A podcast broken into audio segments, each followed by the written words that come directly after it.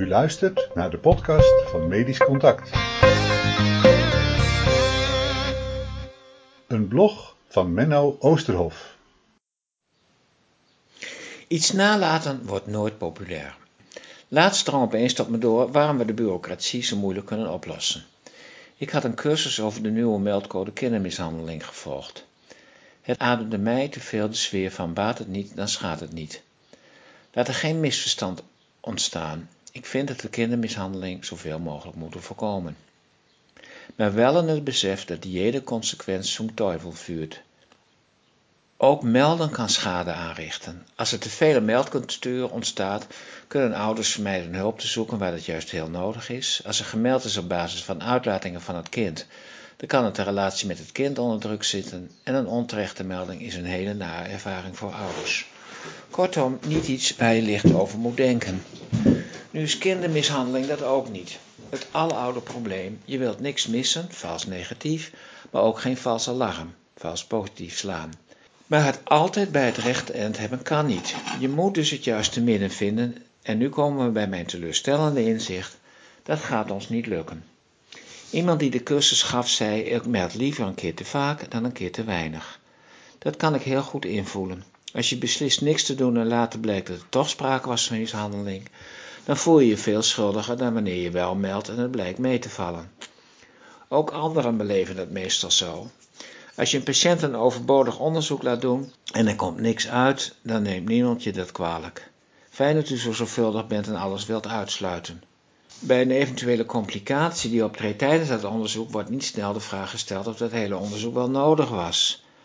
Maar als je van nader onderzoek afziet en er blijkt later toch iets te zijn, dan kun je nog zo goede argumenten hebben. Het nalaten zal toch beleefd worden als nalatigheid. Daarom kunnen we roepen wat we willen tegen total body scans en grote screeningsonderzoeken, het helpt niet. Problemen ten gevolge van iets nalaten verdragen we veel moeilijker dan problemen doordat je alles wilt uitsluiten. Het onzekere voor het zekere nemen zal nooit populair worden. Better safe than sorry. Je kunt wel degelijk ook schade berokkenen door te veel te doen, maar het voelt anders. Zelfs de vraag stellen of we daarmee veel mishandeling voorkomen, voelt al haast als ongepast. Bij bureaucratie speelt hetzelfde. Of hoeft maar één keer iets fout te gaan en dan komt een roep om meer regels. Ik vroeg me af waarom ik dat onjuiste geloof in better safe than sorry zo moeilijk verdraag. Het ligt voor de hand een verband te zien met mijn bijzondere verhouding tot de dwangstoornis. Daar is immers evident dat het spelen op safe en op perfectie zijn doel ver voorbij schiet. Ik ben de afgelopen jaren diverse malen benaderd door mensen die door hun dwangstoornis niet meer hun beroep in de zorg konden uitoefenen omdat ze obsessief bang waren schade te berokkenen. Ik heb zelf het geluk gehad dat ik wel kon blijven werken, zij het dat ik wel vaak last heb van een gevoel alsof de boel in brand staat. Daarom ben ik allergisch voor te enthousiast en kritiekloos geloven in controles en verplichtingen. Maar ja, het is vechten tegen de bierkaai.